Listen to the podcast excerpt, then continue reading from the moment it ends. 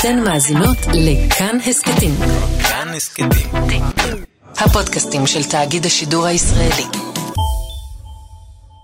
שלום דקלה אהרון שפרן, היי עקיבא. כתבתנו לענייני בריאות. קראנו לפרק הזה אה, תרחישי האימה של משרד הבריאות. זה עד כדי כך אימה? אה, אני חושבת שיש מצב שזה מופיע בסיוטים של אה, נחמן אש כרגע, של הממונה לטיפול במשבר הקורונה. מה רואים שם? תשמע, אנחנו נמצאים עכשיו במצב מדהים למדי. זאת אומרת, גם יחסית לעולם, אבל גם באופן אבסולוטי. כאילו, הגרפים של התחלואה נורא נמוכים, אה, תמונות של בתי קפה מישראל מופיעות, אתה יודע, בשערים של אה, מגזינים אה, במקומות שונים בעולם. ואז יש את האנדרטה במהדורת חדשות, פינת הבריאות, מה שפעם היה חצי שעה ראשונה, ואומרים לנו, תרחישי אימים, ו- ונתב"ג עוד יחזיר לנו את הקורונה.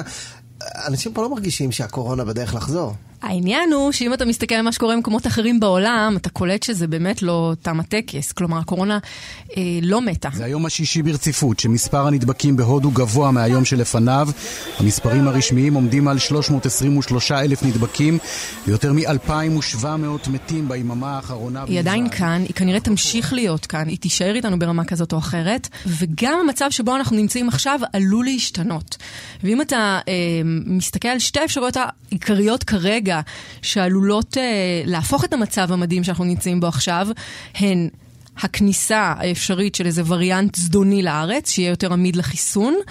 ואפשרות שנייה היא התפרצות משמעותית של תחלואה, שסביר שהיא תתחיל אה, אצל אנשים שהם לא מחוסנים או אצל ילדים. אז בוא נתחיל בכניסה של וריאנט זדוני. היו לנו די הרבה וריאנטים כבר, נכון? היה את הדרום אפריקאי, היה את הבריטי, את הברזילאי, הקליפורני, עכשיו אנחנו בהודי. אז בינתיים כל הווריאנטים האלה לא, לא איי איי, נכון? אנשים אומרים לנו, מה אתם דרמטיים? מה יש כן. לכם? חבר'ה, יאללה. מה אתם מפחידים את הציבור? אגב, יש מחקר שאומר, ש... מחקר מאוד אופטימי, שאומר שהווירוס הגיע לאיזושהי רוויה. בעצם יש אה, איזושהי נקודה שממנה הווירוס כאילו עבר את מרבית המוטציות שהוא יכול לעבור, שעלולות להיות קטלניות. הקורונה הזדקנה והיא כבר היא בסוף, היא אחרי ה- פורשת אחרי הימים היפים לבית שלה. גיל הזהב. סתם, זה, זה, אתה יודע, יש נגיף ויש לו מבנה, והוא יכול לעבור שינויים במקומות מסוימים. אז יש איזשהו מחקר שאומר שבעצם הוא עבר את מרבית השינויים האפשריים במקומות שעלולים להיות בעייתיים. אבל בעולם המחקר ממש לא סגורים על זה. ו... וגם אנחנו שומעים את אה, אה, דוקטור שרון אלרי פרייס אומרת, זה נשמע לי מהדברים שהיא אומרת שאנחנו באיזשהו מובן אולי בלי לדעת על סף תהום. מה שבאמת מדאיג אותנו זה כניסה של וריאנטים נוספים, בעיקר דרך אה, כל מיני מעברים, בר- הרוב זה נתב"ג, ואנחנו צריכים לוודא שלא נכנס פה איזשהו וריאנט אה, שיאיים עלינו. בין אם זה על האוכלוסייה שעדיין חבל שהמאזינים לא יכולים לראות אה, את הפנים הלחוצות של עקיבא עכשיו. אבל- לא, אני פוחד אה, מדברים הרבה יותר פעוטים. אה, אני ממש היפוכונדר אה, גדול, ולכן גם אה, אני ניגש בדחילו ורחימו לנושא הזה. איך זה נראה, נגיד, אה, אה, אם הכל ייזרק לפח? כלומר, אנחנו עשויים ביום אחד לחזור לפני שנה? התסריט הזה הוא אפשרי. הוא לא, לא תסריט הכי סביר כרגע, אבל הוא יכול אה, בהחלט להיות. כלומר, אם אנחנו לוקחים בחשבון שווירוסים כל הזמן משתנים, ככה הביולוגיה עובדת, יש חשש שמוטציות שייתנו איזשהו יתרון לזן מסוים, הם יבואו לידי ביטוי. ואז אותו וריאנט יהיה באמת יותר עמיד, זה לגמרי יכול לקרות. עכשיו, זה כנראה לא יקרה ביום אחד. סביר להניח שאנחנו נראה מקרה אחד, שניים, היום מרצפים את הווירוסים, אז סביר להניח שנראה ונתפוס את זה, אבל התסריט הזה הוא אפשרי. זהו, כי הקורונה התחילה בדיווחים קטנים, ב- אפילו בפינת הכלכלה, שיש קושי בסחורות בסין בגלל איזה, איזה משהו בעיר וואן. הווירוס החדש, זן של נגיף ממשפחת נגיפי קורונה, שאליה משתייך גם הנגיף סארס, גורם לתסמינים של דלקת ריאות, ובשני מקרים לפחות בסין גם הוביל למוות. ועדיין לא ברור אם הוא מדבק. We don't know how this virus will behave. זה נשמע שזה יתחיל. ככה גם עכשיו. כלומר, מדברים על איזה וריאנט חדש וכולי, ואז פתאום תהיה פה הרבה תחלואה. אז אם בינתיים, טפו טפו, מצבנו פה בארץ טוב, למה זה כל כך שכונה אה, לסגור את נתב"ג למשל? היינו בסרט הזה לפני שנה עם המלא אמריקאים שבאו, ואז עם אה, דובאי שלא רצו לסגור את הגבולות כי עשינו איתם בדיוק הסכם שלום. בסוף, וכנראה גם בגלל לא מעט פוליטיקות, דובאי נשארה ירוקה, ונתב"ג נראה כך. בבקשה לשמור על שני מטר כאן.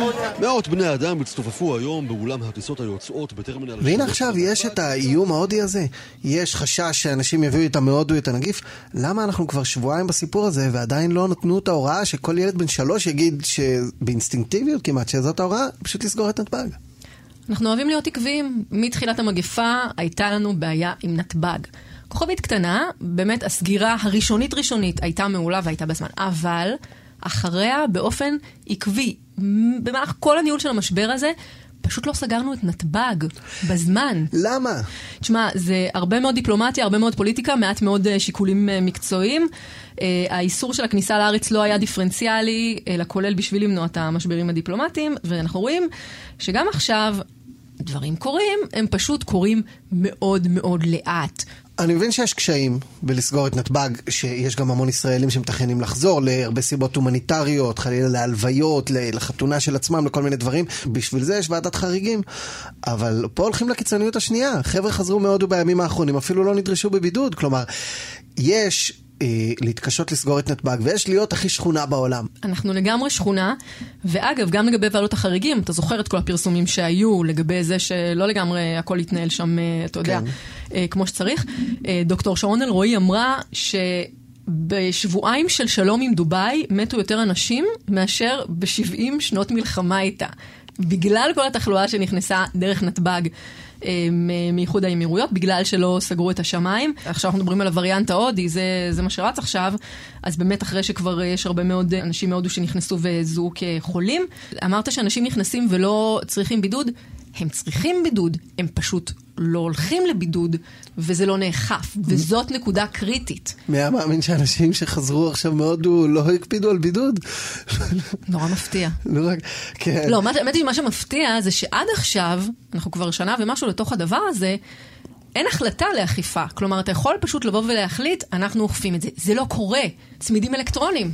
כדי שיהיה פיקוח על מי שחוזר וצריך להיות בבידוד. דיברו על זה מזמן, אפילו החליטו על זה החלטה שעוררה המון עניינים אתיים ו- וכאלה, גם זה עדיין לא קורה. ובינתיים, נתב"ג ממשיך להיות שער כניסה סופר בעייתי. אה, של תחלואה, ואם וריאנטים ייכנסו, סביר להניח שזה יהיה שער הכניסה הרשמי של אה, COVID-19 גרסה 050. COVID-21.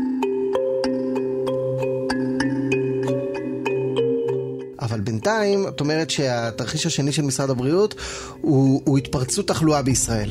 ממש ככה. תראה, אנחנו כרגע מדברים על זה שהתרחיש הזה הוא אפשרי, למרות אה, שהוא כנראה יקרה בטפטופים.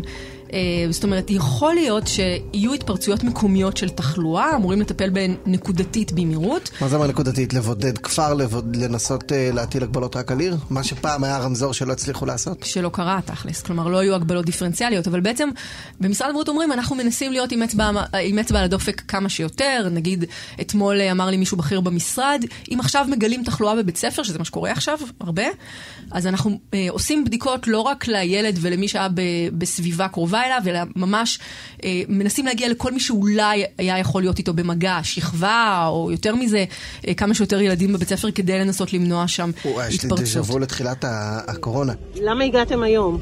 אה, חברה שלי חולה בקורונה, אז אה, הייתי צריכה להיות בבידוד ועכשיו אני עושה בדיקה. אה, לא יודעת, אני חוששת ממה? מזה שאני אצא חיובית. יש שם עיר כתומה אחת בישראל, פרדס חנה. אה, הייתי שם כרכור. אתמול. כרכור. זה מתחיל בשני הורים לא מחוסנים שנדבקו בקורונה. יש להם שלושה ילדים שלומדים בבית ספר ב- במקום, ויש להם ילדה שלא שמרה על בידוד. עכשיו, קבל את החיים החברתיים של אותה ילדה. היא הייתה בבית ספר, היא הייתה בצופים, היא הייתה באירועים של יום העצמאות. פאנלי. באקסטרים, ילדה עם חיי חברה מאוד מאוד פעילים, אה, ו- אבל התוצאה של הדבר הזה שבסוף היא גם, היא הייתה חיובית לקורונה, והייתה שרשרת הדבקה של משהו כמו 50 איש שנדבקו אה, באזור, כ-40 מהם היו ילדים. אז כלומר, ילדה אחת הדביקה בערך 40. היא וההורים שלה ביחד, אתה יודע. כל זה- המשפחה, יודעים אגב מי המשפחה הזאת, נכון? כן, כן, בטח. בפרדס חנה יודעים? אני מניחה שכן. למה לי אכפת ש... שאנשים שלא התחסנו עכשיו בסכנת התפרצות? הם בחרו להיות בסכנה, שיהיו בסכנה. הרי בתי החולים לא יקרסו מזה שתהיה התפרצות בקבוצה הקטנה שלא מתחסנת. אה, נראה לי שהשנה האחרונה, מה זה הוכיחה שהתסריט הזה של ההוא שקודח חור בספינה, אה, זה לא נוגע רק אליו, החור הזה. כלומר... אה, זה שיש אנשים לא מחוסנים, שנמצאים במקום שלהם, אתה יודע, ומקסימום ידבקו, זה, זה לא יישאר רק שם. אנשים זזים ממקום למקום. שיזוזו, אני התחסנתי. וגם אם יש רק 95% יעילות, אז 5% מהמחוסנים ידבקו, זה לא משהו שמפיל את הבתי חולים. אנחנו לא פוחדים משפעת ככה, אנחנו לא פוחדים משום מחלה ככה כמו מהקורונה. לא הגיע הזמן להפסיק לפחד מהקורונה ושהיא תהיה בעיה של הלא מתחסנים? תראה, זאת מחלה לא רגילה. היא מפתיעה אותנו לאורך כל הדרך. מה היא עושה, מה ההשלכות שלה, מה היא עלולה עוד לעשות. אנחנו לא ממש יודעים, עולם המחקר לא ממש יודע. כאילו, לומדים את זה תוך כדי הליכה. נניח שבפרדס חנה, עכשיו, כשאנחנו מדברים, יש 40 חולים, נניח שיהיו 400 חולים חס וחלילה. למה זה כל כך מדאיג? הרי בכל הערים מסביב לפרדס חנה היה מבצע חיסונים. ב... כשיבינו שחס וחלילה הקורונה מתחילה לחזור, אז ייתנו עוד מנה, אומרים. ומעריכים שהיא טפו טפו תהיה עמידה. למה זה יוביל להתפרצות? איך? מה, זה יפיל בהיקפים מאוד גדולים אנשים שכן התחסנו? קודם כל כן, אנשים שהתחסנו יכולים uh, להידבק. בפייזר אמרו שוב ושוב, גם uh, במודרנה, שהחיסון יכול למנוע הידבקות, אבל לא בהכרח, כי מה שהוא בעיקר עושה זה מונע תחלואה קשה. זאת אומרת, אנשים יכולים להידבק עדיין, ולהעביר את זה הלאה גם. דבר שני, אתה באמת עלול לסכן כאן את החלשים בשרשרת. אתה עלול לסכן כאן אנשים ש, אה, שנמצאים אה, בסיכון יותר גבוה.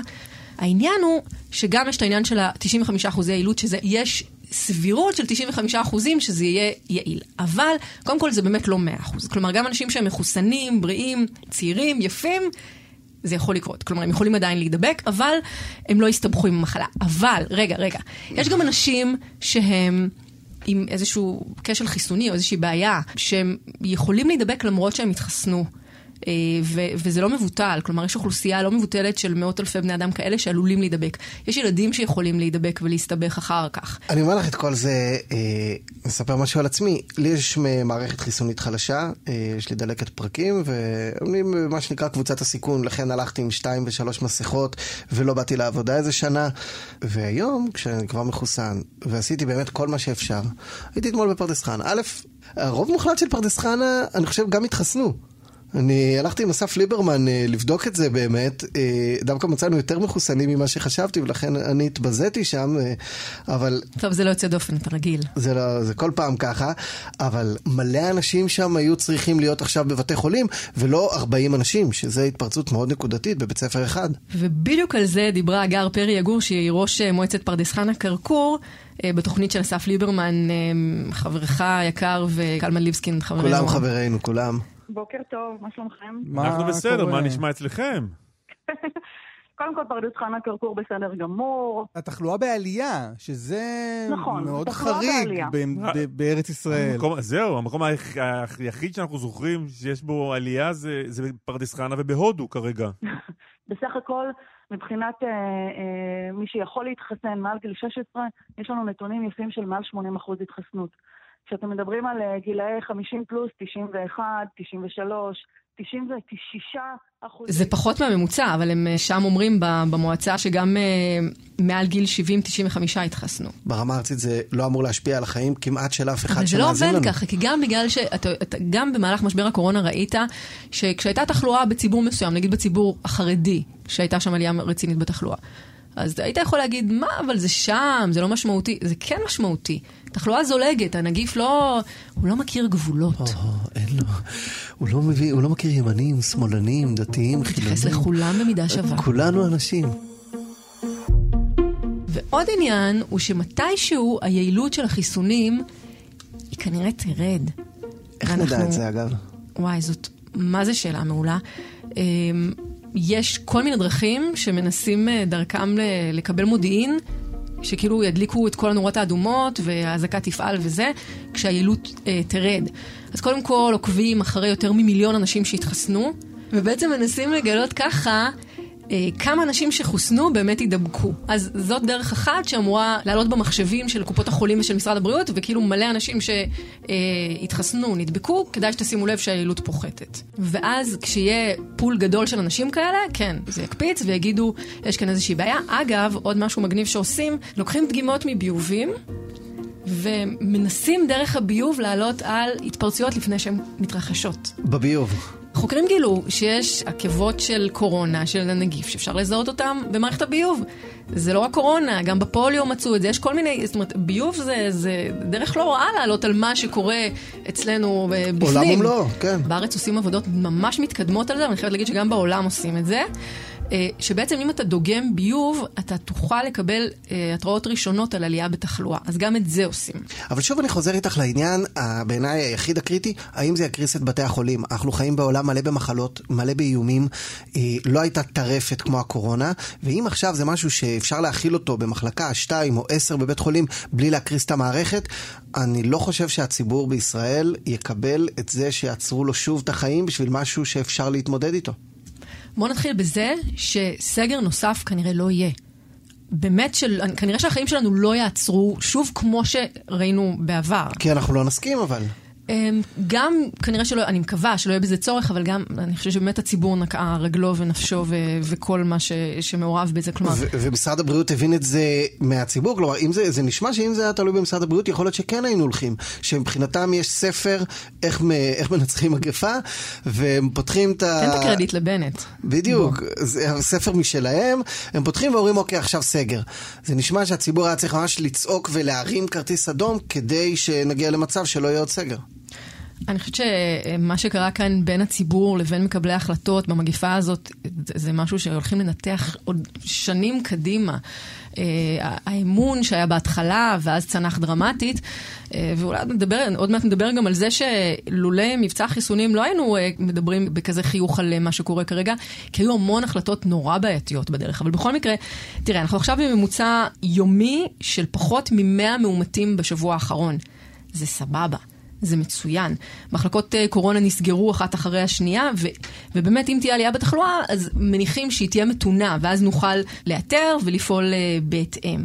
זאת אומרת, אם יש לך עלייה בתחלואה עם uh, התפרצויות מקומיות, כמו פרדס חנה כרכור, אז באמת ינסו, אתה יודע, לכבות את זה כמה שיותר מהר כדי שזה לא יתפתח. אבל, תראה מה קרה עם הווריאנט הבריטי. הווריאנט הבריטי הפך לנו את התסריטים. זאת אומרת, אם היו גרפים למשרד הבריאות לגבי מה שיקרה אחרי הסגר, לגבי איך שהתחלואה תרד, אף גרף, אף תסריט, לא הוכיח את עצמו במקרה של הווריאנט הבריטי. הוא פגע באנשים שהוא, שלפני זה הווירוס המקורי שפגשנו, לא פגע בהם, הוא פגע באנשים צעירים בצורה מטורפת, הוא פגע בנשים בהיריון, בצורה נוראית. את אומרת אבל שכמו הווריאנט הבריטי יכול להיות בעצם עוד משהו. ממש ככה, בגלל שהתחלואה הייתה אמורה לרדת הרבה יותר מהר, וזה לא קרה. וזה לא קרה בגלל שהדינמיקה של התחלואה השתנתה, בגלל הווריאנט הזה. והעניין הוא שזה יכול לקרות שוב. אה, אני לא רוצה להיות אה, פולניה מדי, אבל... תראי, תראי, זה המקום. אם מבצע החיסונים לא היה אה, בשלב שבו הוא היה, ולא היה אינטנסיבי כמו שהוא היה, ההשלכות של גל התחלואה השלישי היו עלולות להיות הרסניות. היינו מגיעים לקריסה, והאמת היא שכבר בתי חולים דיווחו על זה שהם נותנים טיפול פחות טוב לחולים בגלל התחלואה הזה, אבל אה, גם מספר הנפטרים היה מזנק בצורה מטורפת. וגם חולים אחרים שלא חולים בקורונה לא היו יכולים לקבל טיפול בגלל אה, גל התחלואה הזה. אגב, תראה מה קורה עכשיו בהודו, שאנשים מחכים בתור לקבור את המתים שלהם, ו- ומשלמים שוחד כדי שהם יוכלו לקבור את המתים. אני כבר לא מדבר איתך על זה שהם לא מצליחים לקבל טיפול כמו שצריך בבתי החולים.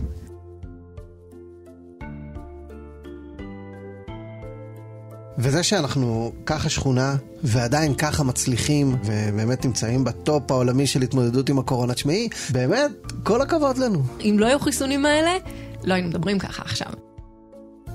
דקלה אהרון שפרן, כתבתנו לענייני בריאות, תודה רבה לך. תודה, עקיבא. ותודה לכם שהאזנתם לעוד יום. ערך את הפרק הזה דניאל אופיר, בצוות טל חדד, הביא לשידור אבי שמאי, הטכנאי היה דרור רוטשטיין, אני עקיבא נוביק. נשמח לקבל מכם הערות, רעיונות לפרקים הבאים, בדף הפייסבוק של כאן הסכתים, בדפים שלי, בפייסבוק, באינסטגרם, בטוויטר. ניפגש בפרק הבא.